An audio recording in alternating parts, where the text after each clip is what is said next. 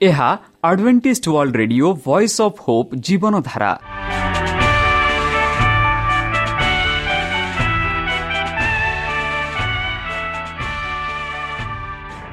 Odia radio କାର୍ଯ୍ୟକ୍ରମ ଯାହା ଆମର ଆନ୍ତର୍ଜାତୀୟ ଆଘାତ କେନ୍ଦ୍ରରୁ ପ୍ରସାରଣ କରାଯାଉଛି ପ୍ରତିଦିନ ରାତି ନଅଟା ତିରିଶ ମିନିଟ୍ରେ।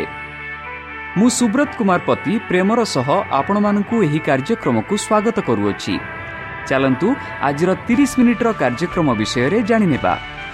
ପ୍ରଥମେ ରଖିଛୁ ଆଧ୍ୟାତ୍ମିକ ଭକ୍ତିମୟ ଗୀତ। ଏହାପରେ ଶୁଣିବା ସ୍ୱାସ୍ଥ୍ୟ ବିଷୟରେ ଯାହା ଆମର ଦୈନିକ ଜୀବନରେ ଅତ୍ୟନ୍ତ ଜରୁରୀ। ଆଉ ପରିଶେଷରେ ଶୁଣିବା ପରମେଶ୍ୱରଙ୍କ ଭକ୍ତଙ୍କଠାରୁ ଜୀବନଦାୟକ ଈଶ୍ୱରଙ୍କ ବାକ୍ୟ। ପ୍ରିୟ ଶ୍ରୋତା ତାହେଲେ ଚାଲନ୍ତୁ ଶୁଣିବା ଏକ ଆଧ୍ୟାତ୍ମିକ ଭକ୍ତିମୟ ଗୀତ।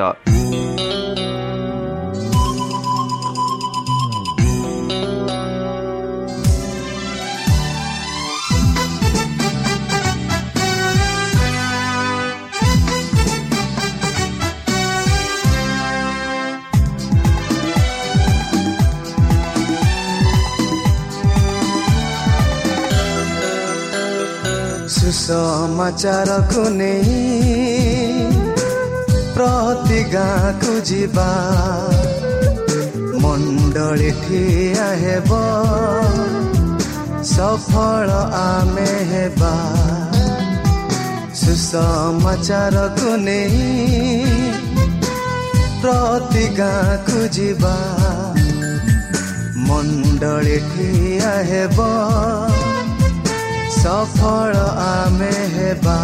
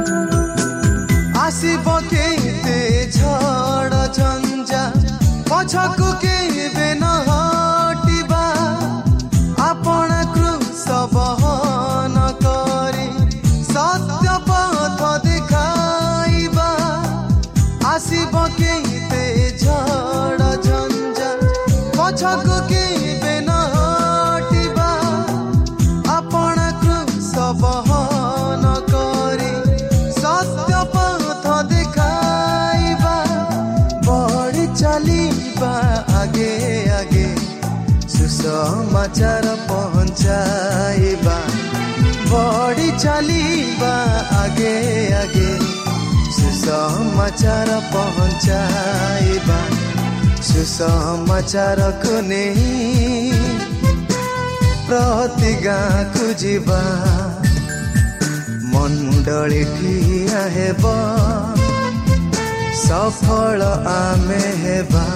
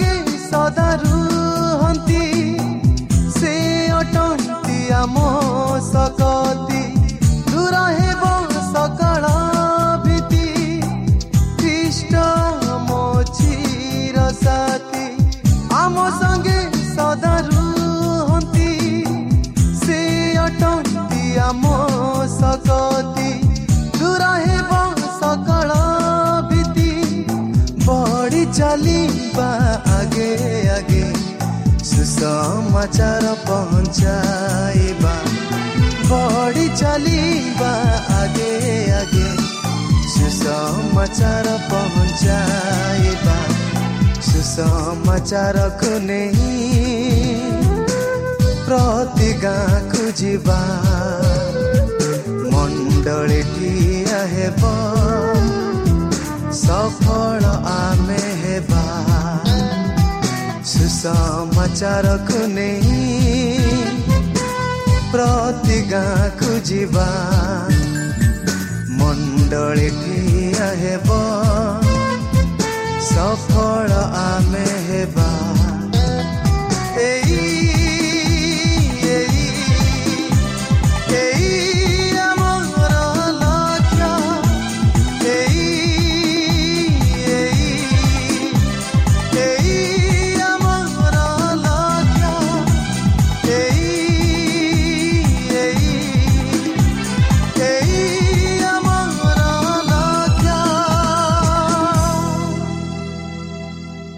শ্ରୋତା ଆମେ ଆଶା କରୁଛୁ ଯେ ଆମର କାର୍ଯ୍ୟକ୍ରମ ଆପଣମାନଙ୍କୁ ପସନ୍ଦ ଲାଗୁଥିବ।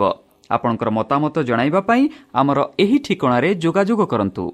ଆମ ଠିକଣା Adventist media centre SDA mission compound Salisbury park Pune ଚାରି ଏକ ଏକ ଶୂନ ତିନି ସାତ ମହାରାଷ୍ଟ୍ର।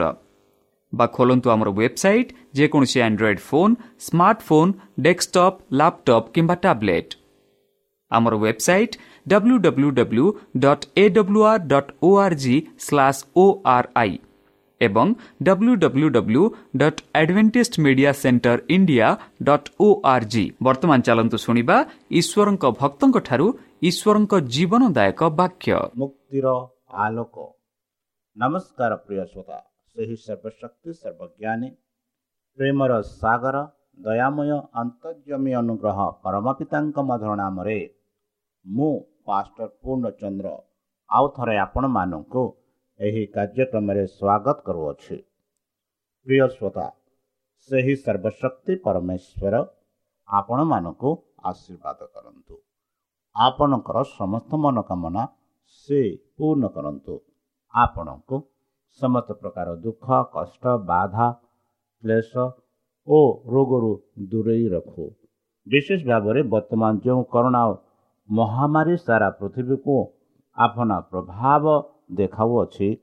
ସେହି ପ୍ରଭାବରୁ ସେହି ପରମେଶ୍ୱର ଆପଣମାନଙ୍କୁ ସୁରକ୍ଷାରେ ରଖନ୍ତୁ। ତାହାଙ୍କ ପ୍ରେମ ତାହାଙ୍କ ସ୍ନେହ ତାହାଙ୍କ ଅନୁଗ୍ରହ ସଦାସର୍ବଦା ଆପଣଙ୍କଠାରେ ସହବର୍ତ୍ତୀ ରହୁ। ପ୍ରିୟ ଶ୍ରୋତା ଚାଲନ୍ତୁ। ଆଜି ଆମ୍ଭେମାନେ କିଛି ସମୟ ପବିତ୍ର ଶାସ୍ତ୍ର ବାଇବଲଠୁ ତାହାଙ୍କ ଜୀବନଦାୟକ ବାକ୍ୟ ଧ୍ୟାନ କରିବା। ଆଜିର ଆଲୋଚନା ହେଉଛି ମୁକ୍ତିର ଆଲୋକ। ବନ୍ଧୁ ଯେପରି ଯୀଶୁ କହିଥିଲେ ମୁଁ ସେହି ଜୀବନର ଆଲୋକ ଚାଲନ୍ତୁ ସେହି ଯୀଶୁ କହନ୍ତି ଆଜିମାନଙ୍କୁ ସେ ହେଉଛନ୍ତି ମୁକ୍ତିର ଆଲୋକ। ବନ୍ଧୁ ଏକ ସମାନ ଓଜନ ସହିତ ବହନ କରେ ଯାହା ଖ୍ରୀଷ୍ଟିୟ ଜଗତକୁ ଦୀର୍ଘ ଦିନ ଧରି ଉତ୍ତେଜିତ କରି ଆସୁଥିଲା ଅବ୍ରାହ୍ମଙ୍କ ବଂଶଧର ନାମ ଏବଂ ବଂଶ ଦ୍ୱାରା ନୁହେଁ ବରଂ ଚରିତ୍ରର ସମାନତା ଦ୍ୱାରା ପ୍ରମାଣିତ ହୋଇଥିଲା। ତେଣୁ ପ୍ରେରିତ ଉତ୍ତରାଧିକାରୀ ଉପସ୍ତକ ପ୍ରାତିକରଣ ପ୍ରସାରଣ ଉପରେ ନୁହେଁ ବରଂ ଆଧ୍ୟାତ୍ମିକ ସମ୍ପର୍କ ଉପରେ ନିର୍ଭର କରେ। ପ୍ରେରିତମାନଙ୍କ ଆତ୍ମା ଦ୍ୱାରା ପରିଚାଳିତ ଏବଂ ଜୀବନ ସେମାନେ ଶିକ୍ଷା ଦେଇଥିବା ସତ୍ୟର ବିଶ୍ୱାସ ଏବଂ ଶିକ୍ଷା ଏହା ପ୍ରେରିତ ଉତ୍ତରାଧିକାରର ପ୍ରକୃତ ପ୍ରମାଣ। ହେଉଛି ପୁରୁଷମାନଙ୍କ ସୁସମାଚାର ପ୍ରଥମ ଶିକ୍ଷକ ଉତ୍ତରାଧିକାରୀ ଯେଉଁଦୀମାନେ ଅବ୍ରାହ୍ମଙ୍କର ସନ୍ତାନ ବୋଲି ଯୀଶୁ ଅସ୍ୱୀକାର କଲେ। ସେ କହିଲେ ତୁମେ ତୁମର ପିତାଙ୍କ କାର୍ଯ୍ୟ କର। ପରିହାସରେ ସେମାନେ ଉତ୍ତର ଦେଲେ ଆମେ ବ୍ୟବିଚାରରୁ ଜନ୍ମ ହୋଇନାହୁଁ ଆମର ଜଣେ ପିତା ଅଛନ୍ତି। ଏପରିକି ଈଶ୍ୱର ମଧ୍ୟ ଅଛନ୍ତି। ଏହି ବାକ୍ୟଗୁଡ଼ିକ ତାଙ୍କ ଜନ୍ମର ପରିସ୍ଥିତିକୁ ଅନୁକରଣ କରି ଯେଉଁମାନେ ତାଙ୍କ ଉପରେ ବିଶ୍ୱାସ କରିବାକୁ ଆରମ୍ଭ କରିଥିଲେ ସେମାନଙ୍କ ଉପସ୍ଥିତିରେ କୃଷ୍ଣଙ୍କ ବିରୁଦ୍ଧରେ ଏକ ଉଦ୍ଦେଶ୍ୟ ଭାବରେ ଉଦ୍ଦିଷ୍ଟ ଥିଲା। ବନ୍ଧୁ ଯୀଶୁ ଭୀତିମୂର୍ତ୍ତି ପ୍ରତି ଧ୍ୟାନ ଦେଲେ ନାହିଁ କିନ୍ତୁ କହିଲେ ଯଦି ପରମ ପିତା ତୁମ ପିତା ଥିଲେ ତୁମମାନେ ମୋତେ ପ୍ରେମ କଲେ। ଯିଏ ମିଥ୍ୟାବାଦୀ ଏବଂ ହତ୍ୟାକାରୀ ସେମାନେ ସହିତ ସେମାନଙ୍କ ସମ୍ପର୍କ ସାକ୍ଷ୍ୟ ଦେଲା। ଯୀଶୁ କହିଲେ ତୁମେ ତୁମର ପିତା ସୈତାନ ଏବଂ ତୁମର ପିତାଙ୍କ ଇଚ୍ଛା ଏହା କରିବା ତୁମର ଇଚ୍ଛା। ସେ ଆରମ୍ଭରୁ ଜଣେ ହତ୍ୟାକାରୀ ଥିଲେ ଏବଂ ସତ୍ୟରେ ଠିଆ ହୋଇନଥିଲେ କାରଣ ତାଙ୍କଠାରେ କୌଣସି ସତ୍ୟ ନାହିଁ। କାରଣ ମୁଁ ସତ୍ୟ କହୁଛି ତୁମେ ମୋତେ ବିଶ୍ୱାସ କରୁନାହଁ। ପଢ଼ନ୍ତୁ ଜହନ ଆଠ ଚଉରାଳିଶ ଟୁ ପଇଁଚାଳିଶ। ବନ୍ଧୁ ସତ୍ୟ ଯେ ଯୀଶୁ ସତ୍ୟ କହିଥିଲେ ଏବଂ ନିଶ୍ଚିତ ଭାବେ ଜୁହୁଦା ନେତାମାନେ ତାଙ୍କୁ ଗ୍ରହଣ କଲେ ନାହିଁ ଏହି ସତ୍ୟ ହିଁ ଏହି ଆତ୍ମା ଧାର୍ମିକ ଲୋକଙ୍କୁ ବିରକ୍ତ କଲା ସତ୍ୟ ତ୍ରୁଟିର ଖରାପତାକୁ ପ୍ରକାଶ କଲା। ଏହା ସେମାନଙ୍କ ଶିକ୍ଷାଦାନ ଏବଂ ଅଭ୍ୟାସକୁ ନିନ୍ଦା କଲା ଏବଂ ଏହା ଅବାଞ୍ଛିତ କରିଲା। ସେମାନେ ଭୁଲ କରିଛନ୍ତି ବୋଲି ସ୍ୱୀକାର କରିବାକୁ ନିଜକୁ ନମ୍ର କରିବା ଅପେକ୍ଷା ସତ୍ୟକୁ ଆଖି ବନ୍ଦ କରିବାକୁ ପସନ୍ଦ କରିଲେ। ସେମାନେ ସତ୍ୟକୁ ଭଲ ପାଉନଥିଲେ ଏହା ସତ୍ୟ ହୋଇଥିଲେ ମଧ୍ୟ ସେମାନେ ଏହା ଇଚ୍ଛା କଲେ ନାହିଁ। ବନ୍ଧୁ ତୁମାନଙ୍କ ମଧ୍ୟରେ କେଉଁମାନେ ମୋତେ ପାପର ଦୋଷୀ ସାବ୍ୟସ୍ତ କରିଛନ୍ତି ଏହିପରି ପ୍ରଶ୍ନ କରିଥିଲେ। ଏବଂ ଯଦି ମୁଁ ସତ କହୁଛି ତେବେ ତୁମେ ମୋତେ କାହିଁକି ବିଶ୍ୱାସ କରୁନାହଁ? ଏହିପରି ସେମାନଙ୍କୁ ପ୍ରଶ୍ନ କରିଥିଲେ। ତିନି ବର୍ଷ ଧରି ଦିନକୁ ଦିନ ତାଙ୍କ ଶତ୍ରୁମାନେ ଖ୍ରୀଷ୍ଟଙ୍କ ଅନୁସରଣ କରୁଥିଲେ। ତାଙ୍କ ଚରିତ୍ରରେ କିଛି ଦାଗ ଖୋଜିବାକୁ ଚେଷ୍ଟା କରୁଥିଲେ। ଶୟତାନ ଏବଂ ମନ୍ଦତାର ସମସ୍ତ ସମ୍ମିଳନୀ ତାଙ୍କୁ ପରାସ୍ତ କରିବାକୁ ଚେଷ୍ଟା କରୁଥିଲେ। କିନ୍ତୁ ସେମାନେ ତାଙ୍କଠାରେ କିଛି ପାଇଲେ ନାହିଁ ଯାହାଦ୍ୱାରା ଏକ ଲାଭ ହାସଲ କଲେ। ଏପରିକି ଶୈତାନମାନେ ସ୍ୱୀକାର କରିବାକୁ ବାଧ୍ୟ ହେଉଥିଲେ ଯେ ତୁମେ ଈଶ୍ୱରଙ୍କ ପବିତ୍ର ଅଟ ମାର୍ଗ ମାର୍କ ଏକ ଚବିଶ ଆପଣ ପଢ଼ନ୍ତୁ। ଯୀଶୁ ସ୍ୱର୍ଗ ଦୃଷ୍ଟିରେ ଅବିସ୍ମରଣୀୟ ଜଗତରେ ଏବଂ ପାପୀ ଲୋକମାନଙ୍କ ଦୃଷ୍ଟିରେ ଏହି ନିୟମ ବଞ୍ଚୁଥିଲେ। ସ୍ୱର୍ଗଦୂତ ପୁରୁଷ ଏବଂ ଦୂତମାନଙ୍କ ଆଗରେ ସେ କହିଥିଲେ ଅବିସ୍ମରଣୀୟ ଅନ୍ୟ କୌଣସି ଓଠରୁ ନିନ୍ଦା ହୋଇନଥାନ୍ତା ମୁଁ ସବୁବେଳେ ସେହି କାର୍ଯ୍ୟ କରେ ଯାହା ତାଙ୍କୁ ପ୍ରସନ୍ନ କରେ। ଯଦିଓ ସେମାନେ ଖ୍ରୀଷ୍ଟଙ୍କଠାରେ କୌଣସି ପାପ ପାଇଲେ ନାହିଁ ଯେଉଁଦୀମାନେ ତାଙ୍କୁ ଗ୍ରହଣ କରିବେ ନାହିଁ ଏହା ପ୍ରମାଣ କଲା ଯେ ସେମାନଙ୍କ ନିଜ ଈଶ୍ୱରଙ୍କ ସହିତ କୌଣସି ସମ୍ପର୍କ ନାହିଁ। ସେମାନେ ତାଙ୍କ ପୁତ୍ରଙ୍କ ବାର୍ତ୍ତାରେ ତାଙ୍କ ସ୍ୱରକୁ ଚିହ୍ନି ପାରିଲେ ନାହିଁ। ସେମାନେ ଭାବିଲେ ଯେ ସେମାନେ କୃଷ୍ଣଙ୍କ ପରେ ବିଚାର କରୁଛନ୍ତି କିନ୍ତୁ ସେମାନେ ତାହାଙ୍କୁ ପ୍ରତ୍ୟାଖ୍ୟାନ କରୁଛନ୍ତି ଏହା ସେମାନେ ଭାବିପାରିଲେ ନାହିଁ। ଯୀଶୁ କହିଲେ ପରମେଶ୍ୱରଙ୍କର ପରମେଶ୍ୱରଙ୍କ ବାକ୍ୟ ଶୁଣନ୍ତି ବା ପରମେଶ୍ୱରଙ୍କ ଲୋକେ ତାହାଙ୍କ ବାକ୍ୟ ଶୁଣନ୍ତି ତେଣୁ ତୁମାନେ ତାହା ଶୁଣିନାହ। ଶିକ୍ଷା ସବୁଦିନ ପାଇଁ ସତ୍ୟ ଅଟେ ବନ୍ଧୁ। ଅନେକ ଲୋକ ଯିଏ ଝୁଣ୍ଟିବାକୁ ସମାଲୋଚନା କରିବାକୁ ଈଶ୍ୱରଙ୍କ ବାକ୍ୟରେ କିଛି ପ୍ରଶ୍ନ କରିବାକୁ ଖୋଜନ୍ତି ଭାବନ୍ତି ଯେ ସେ ଏହା ଦ୍ୱାରା ଚିନ୍ତାଧାରା ସ୍ୱାଧୀନତା ଏବଂ ମାନସିକ ତୀବ୍ରତାର ପ୍ରମାଣ ଦେଉଛି। ସେ ଅନୁମାନ କରନ୍ତି ଯେ ସେ ବାଇବଲ ଉପରେ ବିଚାରରେ ବସିଛନ୍ତି। ଯେତେବେଳେ ପ୍ରକୃତରେ ସେ ନିଜେ ବିଚାର କରୁଛନ୍ତି ସେ ଏହା କଷ୍ଟ କରନ୍ତି। ଯେ ସେ ସ୍ୱର୍ଗରୁ ଉତ୍ପନ୍ନ ସତ୍ୟକୁ ପ୍ରଶଂସା କରିବାରେ ଅସମର୍ଥ ହୁଅନ୍ତି ଏବଂ ସେହି କମ୍ଫାସ ଅନନ୍ତକାଳ ଈଶ୍ୱରଙ୍କ ଧାର୍ମିକତା ମହାନ ପର୍ବତ ଉପସ୍ଥିତିରେ ତାଙ୍କର ଆତ୍ମା ଭୟଭୀତ ହୁଏ ନାହିଁ। ସେ ବାଡ଼ି ଓ ନଡ଼ା ଶିକାରରେ ନିଜକୁ ବ୍ୟସ୍ତ କରନ୍ତି ଏବଂ ଏଥିରେ ଏକ ସଂକୀର୍ଣ୍ଣ ଏବଂ ପାର୍ଥିବ ପ୍ରକୃତିର ବିଶ୍ୱାସଘାତା ଏକ ହୃଦୟ ଯାହା ଈଶ୍ୱରଙ୍କ ପ୍ରଶଂସା କରିବାର ସକ୍ଷମ ଶୀଘ୍ର ହୋଇଯାଇଛି ବା ହରାଇ ଯାଇଛି ଯାହାର ହୃଦୟ ଈଶ୍ୱରୀୟ ସ୍ୱସ୍ଥରେ ପ୍ରତିକ୍ରିୟା ପ୍ରକାଶ କରିଛି ଯାହା ଈଶ୍ୱରଙ୍କ ବିଷୟରେ ତାହାଙ୍କର ଜ୍ଞାନ ବଢ଼ାଇବା ଏବଂ ଚରିତ୍ରକୁ ପରିଷ୍କାର କରିବା ଉଚିତ। ଯୀଶୁ ଜାରି ରହିଲେ। ଯୌଦୀମାନଙ୍କ ଅବସ୍ଥିତ ଏବଂ ଅବ୍ରାହ୍ମଙ୍କ ମଧ୍ୟରେ ଏକ ତୀବ୍ର ପାର୍ଥକ୍ୟ ଅଙ୍କିରେ ତୁମର ପିତା ଅବ୍ରାହ୍ମ ମୋ ଦିନକୁ ଦେଖି ଆନନ୍ଦିତ ହେଲେ ବୋଲି ସେ କହିଲେ। ଅବ୍ରାହ୍ମ ପ୍ରତିଜ୍ଞା କରିଥିବା ତ୍ରାଣକର୍ତ୍ତାଙ୍କୁ ବହୁତ ଇଚ୍ଛା କରୁଥିଲେ। ସେ ଅତ୍ୟନ୍ତ ଆନ୍ତରିକ ପ୍ରାର୍ଥନା କଲେ ଯେ ମୃତ୍ୟୁ ପୂର୍ବରୁ ସେ ଖ୍ରୀଷ୍ଟଙ୍କୁ ଦେଖିବେ। ସେ ଖ୍ରୀଷ୍ଟଙ୍କୁ ଦେଖିଲେ ତାଙ୍କ ଏକ ଆଲୋକିତ ଆଲୋକ ଦିଆଗଲା ଏବଂ ସେ ଖ୍ରୀଷ୍ଟଙ୍କ ଈଶ୍ୱରୀୟ ଚରିତ୍ରକୁ ସ୍ୱୀକାର କଲେ। ସେ ତାଙ୍କ ନିଜ ଦେଖି ଖୁସି ହେଲେ ପାପ ପାଇଁ ଈଶ୍ୱରୀୟ ବଳିଦାନ ବିଷୟ ତାଙ୍କୁ ଏକ ଦୃଶ୍ୟ ଦିଆଯାଇଥିଲା। ଏହି ବଳିଦାନ ମଧ୍ୟରୁ ତାଙ୍କର ନିଜ ଅଭିଜ୍ଞାତରେ ଏକ ଚିତ୍ର ଥିଲା। ତାଙ୍କ ନିକଟକୁ ଆଦେଶ ଆସିଲା ବର୍ତ୍ତମାନ ତୁମର ପୁତ୍ର ତୁମର ଏକମାତ୍ର ପୁତ୍ର ଇସାହକକୁ ନେଇଯାଅ ଯାହାକୁ ତୁମେ ଭଲ ପାଅ। ପଢ଼ନ୍ତୁ ଆଦି ବାଇଶ ଦୁଇ।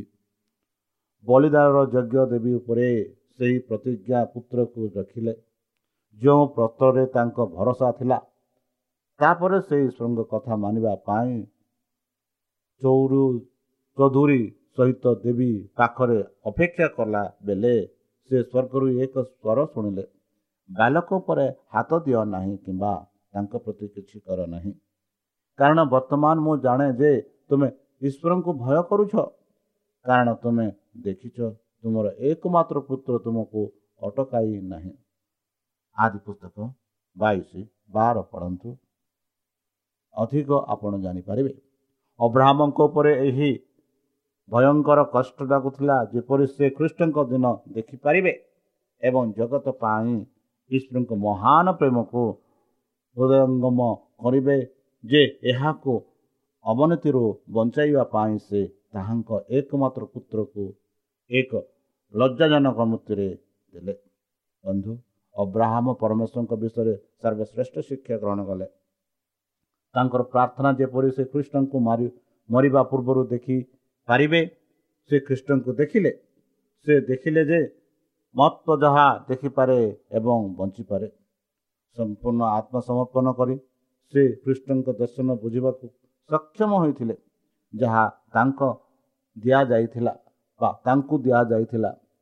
ତାଙ୍କୁ ଦର୍ଶାଇ ଯାଇଥିଲା ଯେ ପାପୀମାନଙ୍କୁ ଅନନ୍ତ ବିନାଶରୁ ରକ୍ଷା କରିବା ପାଇଁ ତାଙ୍କର ଏକମାତ୍ର ପୁତ୍ରଙ୍କୁ ଦେବାରେ ଈଶ୍ୱର ମନୁଷ୍ୟଠାରୁ ଅଧିକ ବଡ଼ ଏବଂ ଚମତ୍କାର ବଳିଦାନ ହେଉଛି। ଅବ୍ରାହ୍ମଙ୍କ ଅଭିଜ୍ଞାତ ପ୍ରଶ୍ନର ଉତ୍ତର ହେଲା ମୁଁ କେଉଁଠାରୁ ପ୍ରଭୁଙ୍କୁ ନିକଟକୁ ଆସିବି ଏବଂ ଉଚ୍ଚ ପରମେଶ୍ୱରଙ୍କ ନିକଟରେ ପ୍ରମାଣ କରିବି? ମୁଁ ଏକ ବର୍ଷର ବାଛୁରୀ ସହିତ ଜଲୁଥିବା ନୈବେଦ୍ୟ ସହିତ ତାଙ୍କ ସମ୍ମୁଖକୁ ଆସିବି କି? ପ୍ରଭୁ ହଜାର ହଜାର ମେଷ ସହିତ ସନ୍ତୁଷ୍ଟ ହେବେ ନାହିଁ। ହେବେ କି? ଦଶ ହଜାର ତୈଳ ନଦୀ ସହିତ ନା ମୁଁ ମୋର ପ୍ରଥମ ଜାତ ସନ୍ତାନକୁ ମୋର ଅପରାଧ ପାଇଁ ଦେବି। ମୋର ପ୍ରାଣର ପାଇଁ ପାପ ପାଇଁ ମୋ ଶରୀର ଫଲ ହେବ କି? ଏହିପରି ମିକା ଛଅ ଛଅ ଟୁ ସାତରେ ମିକା ଭବିଷ୍ୟତ ବକ୍ତା ଲେଖନ୍ତି। ଅବ୍ରାହ୍ମର କଥାରେ ହେ ମୋର ପ୍ରଭୁ ପରମେଶ୍ୱର ନିଜକୁ ଏକ ହମ ବୋଲି ନିମନ୍ତେ ଏକ ମେଷ ସେବକ ଯୋଗାଇବେ। ଏହିପରି ଆଦି ପୁସ୍ତକ ବାଇଶ ଆଠରେ ଆମେ ଭାବୁଅଛୁ ଯେପରି ପରମେଶ୍ୱରଙ୍କୁ ଯେପରି ଇସାକ ଅବ୍ରାହମକୁ ପ୍ରଶ୍ନ କରିଥିଲେ ଏବଂ ଇସାକ ପରିବର୍ତ୍ତେ ବଳିଦାନର ଈଶ୍ୱରଙ୍କ ବ୍ୟବସ୍ଥାର ଏହା ଘୋଷଣା କରାଯାଇଥିଲା ଯେ କୌଣସି ଲୋକ ନିଜ ପାଇଁ କ୍ଷମା କରିପାରିବେ ନାହିଁ। ବଳିଦାନର ପୂଜା ପାଠ ପ୍ରଣାଳୀ ଈଶ୍ୱରଙ୍କ ପାଇଁ ଗ୍ରହଣୀୟ ଅଟେ। କୌଣସି ଲୋକ ନିଜ ପାଇଁ କ୍ଷମା କରିପାରିବେ ନାହିଁ। ବଳିଦାନର ପୂଜା ପାଠ ପ୍ରଣାଳୀ ଈଶ୍ୱରଙ୍କ ପାଇଁ ସମ୍ପୂର୍ଣ୍ଣ ଗ୍ରହଣୀୟ ନୁହେଁ। କୌଣସି ପିତା ନିଜ ପୁତ୍ର କିମ୍ବା ଝିଅକୁ ପାପରେ ବଳି ଉତ୍ସର୍ଗ କରିବା ଉଚିତ ନୁହେଁ। କେବଳ ଈଶ୍ୱରଙ୍କ ପୁତ୍ର ଜଗତର ଦୋଷ ବହନ କରିପାରନ୍ତି। ବନ୍ଧୁ ନିଜ ଦୁଃଖ ମାଧ୍ୟମରେ ଅବ୍ରାହମ ତ୍ରାଣକର୍ତ୍ତାଙ୍କ ବଳିଦାନର ମିଶନକୁ ଦେଖିବାରେ ସକ୍ଷମ ହୋଇଥିଲେ। କିନ୍ତୁ ଇସ୍ରାଏଲ ବୁଝିପାରିବ ନାହିଁ ଯାହା ସେମାନଙ୍କ ଗର୍ଭିତ ହୃଦୟକୁ ଏତେ ସ୍ୱାଗତ ଯୋଗ୍ୟ ନୁହେଁ। ଅବ୍ରାହମ ବିଷୟରେ ଖ୍ରୀଷ୍ଟଙ୍କ ବାକ୍ୟ ତାଙ୍କ ଶ୍ରୋତାମାନଙ୍କୁ କୌଣସି ଗଭୀର ମହତ୍ଵ ଦେଇନଥିଲା ଫାରୁସୀମାନେ ସେମାନଙ୍କ ଭିତରେ କେବଳ ସତେଜ ଭୂମି ଦେଖିଲେ। ସେମାନେ ଏକ ଉପହାସ ସହିତ ଉତ୍ତର ଦେଲେ ଯେପରି ସେମାନେ ଯୀଶୁଙ୍କୁ ପାଗଳ ବୋଲି ପ୍ରମାଣ କରିବେ। ତୁମେ ଏପର୍ଯ୍ୟନ୍ତ ପଚାଶ ବର୍ଷ ବୟସ୍କ ହୋଇନାହଁ ଏବଂ ଅବ୍ରାହ୍ମଙ୍କୁ ଦେଖିଛ କି? ଏହିପରି ସେମାନେ ପ୍ରଶ୍ନ କଲେ। ଯୀଶୁ ଅତି ସମ୍ମାନର ସହିତ ଉତ୍ତର ଦେଲେ ମୁଁ ତୁମକୁ ସତ୍ୟ ସତ୍ୟ କହୁଅଛି ଅବ୍ରାହ୍ମ ପୂର୍ବରୁ ମୁଁ ଥିଲି ବୋଲି।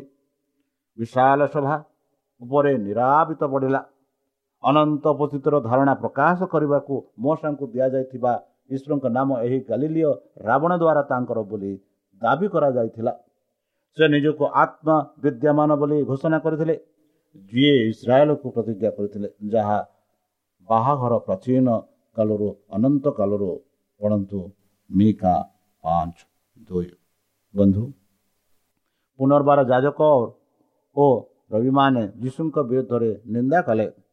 ଈଶ୍ୱରଙ୍କ ସହିତ ତାଙ୍କର ଏକ ଦାବି ପୂର୍ବରୁ ସେ ତାଙ୍କ ଜୀବନ ନେବାକୁ ଉତ୍ସାହିତ କରିଥିଲେ ଏବଂ କିଛି ମାସ ପରେ ସେମାନେ ସ୍ପଷ୍ଟ ଭାବରେ ଘୋଷଣା କଲେ ଏକ ଭଲ କାମ ପାଇଁ ଆମ୍ଭେମାନେ ପଥର ଫିଙ୍ଗି ନାହୁଁ କିନ୍ତୁ ନିନ୍ଦା କରିବା ପାଇଁ ଈଶ୍ୱର ପରନ୍ତୁ ଜହନ ଦଶ ତେତିଶ। କାରଣ ସେ ଥିଲେ ଏବଂ ନିଜକୁ ଈଶ୍ୱରଙ୍କ ପୁତ୍ର ବୋଲି ପ୍ରତିଜ୍ଞା କରିଥିଲେ। ସେମାନେ ତାହାଙ୍କୁ ବିନାଶ କରିବାକୁ ଆଗ୍ରହୀ ହୋଇଥିଲେ। ବର୍ତ୍ତମାନ ଅନେକ ଲୋକ ଯାଜକ ଓ ରାବଣମାନଙ୍କ ସହିତ ରହି ତାଙ୍କ ଉପରକୁ ପଥର ଫିଙ୍ଗିଥିଲେ କିନ୍ତୁ ଯୀଶୁ ନିଜକୁ ଲୁଚାଇ ମନ୍ଦିର ଭିତରୁ ବାହାରକୁ ଗଲେ ଏବଂ ସେମାନଙ୍କ ମଧ୍ୟରୁ ଚାଲିଗଲେ। ବନ୍ଧୁ ଆଲୋକ ଅନ୍ଧକାରରେ ଲସି ଉଠୁଥିଲା କିନ୍ତୁ ଅନ୍ଧକାରର ତାହା ଧରିଲା ନାହିଁ। ଯୀଶୁ ଯେପରି ଯାଉଥିଲେ ସେ ଜଣେ ମନୁଷ୍ୟକୁ ଜନ୍ମରୁ ଅନ୍ଧ କରିଥିବାର ଦେଖିଲେ। ଶିଶୁମାନେ ତାହାଙ୍କୁ ପଚାରିଲେ ଗୁରୁ କିଏ ପାପ କଲା? କି ଏହି ବ୍ୟକ୍ତି ଅନ୍ଧ ହୋଇଅଛି? ଏହି ବ୍ୟକ୍ତି କିମ୍ବା ତାଙ୍କ ପିତାମାତା ଯେ ସେ ଅନ୍ଧ ହୋଇ ଜନ୍ମ ହୋଇଥିଲେ ଏହିପରି ସେମାନେ ପ୍ରଶ୍ନ କରିଥିଲେ। ଯୀଶୁ ଉତ୍ତର ଦେଲେ ବନ୍ଧୁ ଏହା ମଧ୍ୟ ନାହିଁ। ମନୁଷ୍ୟ ପାପ କଲା ନାହିଁ କି ତାର ପିତାମାତା କିନ୍ତୁ ପରମେଶ୍ୱରଙ୍କ କାର୍ଯ୍ୟ ଗୁଡ଼ିକ ତାହାଙ୍କଠାରେ ପ୍ରକାଶିତ ହେବା ଉଚିତ। ଏହି ଯୋଗୁଁ ଏହା ହୋଇଛି ବୋଲି ସେ କହିଥିଲେ। ସେ ଏହିପରି କହିଥିଲେ ସେ ମାଟି ସହିତ ଥିବା ଲୋକଟି ତାକୁ କହିଲା ଯାଅ ସିଲୋୟାର ସିଲୋୟାମାର ପୁଷ୍କରଣୀୟରେ ଧୋଇ ଦିଅ। ଯାହା ବାକ୍ୟ ନେଇ ପଠାଯାଇଛି ତେଣୁ ସେ ନିଜ ପଥରେ ଯାଇ ଧୋଇଲେ ଏବଂ ସେ ନିଜ ଚକ୍ଷୁ ପାଇଲେ। ବନ୍ଧୁ ଯହୁଦୀମାନେ ସାଧାରଣତଃ ବିଶ୍ୱାସ କରୁଥିଲେ ଯେ ଏହି ଜୀବନରେ ପାପ ଦଣ୍ଡିତ ହୁଏ। ପ୍ରତ୍ୟେକ ଦୁଃଖୀକୁ କିଛି ଭୁଲର ଦଣ୍ଡ ଭାବରେ ବିବେଚନା କରାଯାଉଥିଲା। ପୀଡ଼ିତ ବ୍ୟକ୍ତି ନିଜେ କିମ୍ବା ତାଙ୍କ ପିତାମାତା। ତାହା ସତ୍ୟ ଯେ ଈଶ୍ୱରଙ୍କ ନିୟମର ଉଲ୍ଲଙ୍ଘନ ହେତୁ ସମସ୍ତ ଯନ୍ତ୍ରଣା ହୁଏ କିନ୍ତୁ ଏହି ସତ୍ୟ ବିକୃତ ହୋଇଗଲା ପାପ ଏବଂ ଏହାର ସମସ୍ତ ଫଳାଫଳର ଲେଖକ ଶୈତାନ ମଣିଷମାନଙ୍କୁ ରୋଗ ଏବଂ ମୃତ୍ୟୁକୁ ଈଶ୍ୱରଙ୍କ ଠାରୁ ଆଗେଇ ନେବାକୁ ଆଗେଇ ନେଇଥିଲା ଯେପରି ପାପ ହେତୁ ଦଣ୍ଡ ବିଧାନ କରାଯାଇଥାଏ ଅତଏବ ଯେଉଁମାନଙ୍କ ଉପରେ କିଛି ବଡ଼ ଦୁଃଖ ବା ବିପଦ ପଡ଼ିଲା ସେ ଜଣେ ବଡ଼ ପାପୀ ଭାବରେ ପରିଗଣିତ ହେବାର ଅତିରିକ୍ତ ଭାବ ଥିଲା। ବନ୍ଧୁ ଏହିପରି ଭାବରେ ଯହୁଦୀମାନେ ଯୀଶୁଙ୍କୁ ପ୍ରତ୍ୟାଖ୍ୟାନ କରିବା ପାଇଁ ରାସ୍ତା ପ୍ରସ୍ତୁତ ହେଲା। ଯିଏ ଆମର ଦୁଃଖ ବହନ କରିଛି ଏବଂ ଆମର ଦୁଃଖ ବହନ କରିଛନ୍ତି ଯେଉଁମାନେ ତାଙ୍କୁ ପ୍ରହାରିତ ଈଶ୍ୱରଙ୍କ ଦ୍ୱାରା ପ୍ରଭାରିତ ଏବଂ ଦୁଃଖ ଭାବରେ ଦେଖୁଥିଲେ। ସେମାନେ ତାଙ୍କଠାରୁ ଲୁଚାଇଲେ।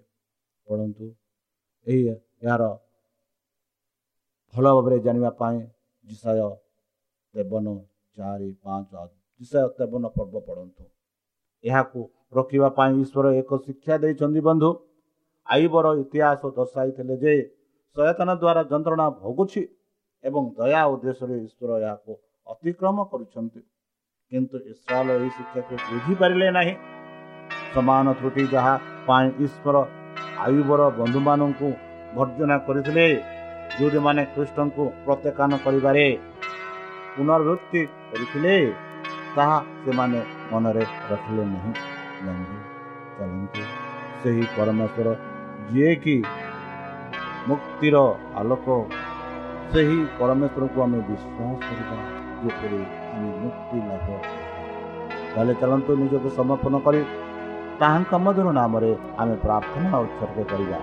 ହେ ଆମ୍ଭମାନଙ୍କ ସର୍ବଶକ୍ତି ସର୍ବଜ୍ଞାନୀ ପ୍ରେମର ସାଗର ଦୟାମୟ ଅନ୍ତର୍ଜମୀ ଅନୁଗ୍ରହ ପିତା ଧନ୍ୟବାଦ ଅର୍ପଣ କରୁଛୁ ପ୍ରଭୁ ବର୍ତ୍ତମାନ ଯେଉଁ ବାକ୍ୟ ତୁମ ସେହି ଭକ୍ତଙ୍କ ଦ୍ୱାରା ଆମମାନଙ୍କୁ ଶୁଣେଇଲେ ସେହି ବାକ୍ୟ ଅନୁସାରେ ଆମମାନଙ୍କୁ ଚାଲିବା ପାଇଁ ବୁଦ୍ଧି ଜ୍ଞାନ ଶକ୍ତିରେ ପରିପୂର୍ଣ୍ଣ କର ଆମ ପାପ ସବୁ ତୁମ ସେହି ବହୁମୂଲ୍ୟ ରକ୍ତରେ ପରିଷ୍କାର କରି ଦେଇଦିଅ ପ୍ରଭୁ ବର୍ତ୍ତମାନ ଯେଉଁ କରୁଣା ମହାମାରୀ ସାରା ପୃଥିବୀକୁ ଆପଣ ପ୍ରଭାବ ଦେଖାଉଛି ସେହି ପ୍ରଭାବରୁ ଆମମାନଙ୍କୁ ଦୂରେଇ ରଖ ଶତ୍ରୁ ସୈତନ ହସ୍ତରୁ ଆମମାନଙ୍କୁ ଦୂରେଇ ରଖ ପରିଶେଷ ଯେବେ ତୁମ୍ଭେ ତୁମ ସେହି ସହସ୍ରଦୂତଙ୍କ ସହ ଆସିବେ ଆପଣା ସାଧୁମାନଙ୍କୁ ସଂଗ୍ରହ କରିବା ନିମନ୍ତେ ସେତେବେଳେ ଆମମାନଙ୍କୁ ଗ୍ରହଣ କର ବୋଲି ତ୍ରାଣକର୍ତ୍ତା ପ୍ରଭୁ ଯୀଶୁଙ୍କ ମଧୁମୟ ନାମରେ ଏହି ଛୋଟ ବିକ୍ଷମ ତୁମେ ଗ୍ରହଣ କର ଆମେନ୍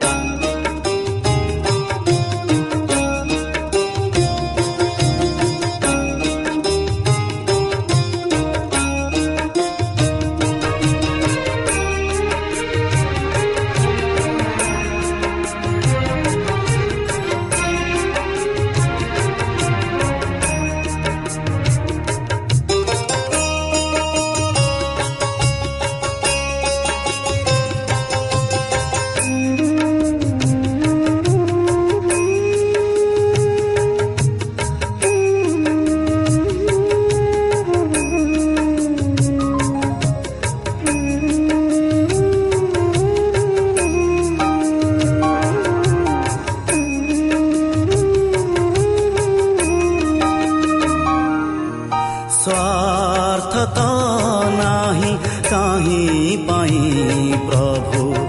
तोरोडा प्रहार सहिल। स्वार्थ त नाही काहीँ पाइ प्रभु। तोरोडा प्रहार सहिल। माया किबा मोह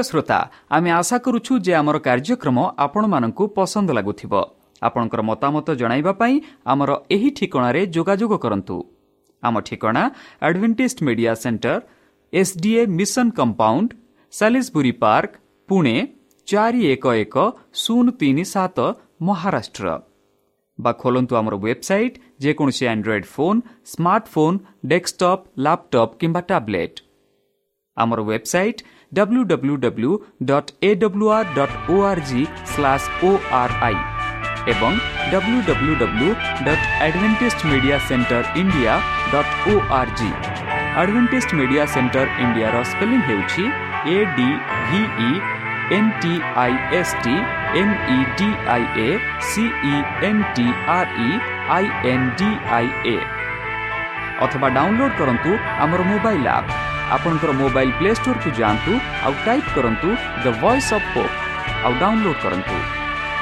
ईश्वर आपण को आशीर्वाद करतु. धन्यवाद.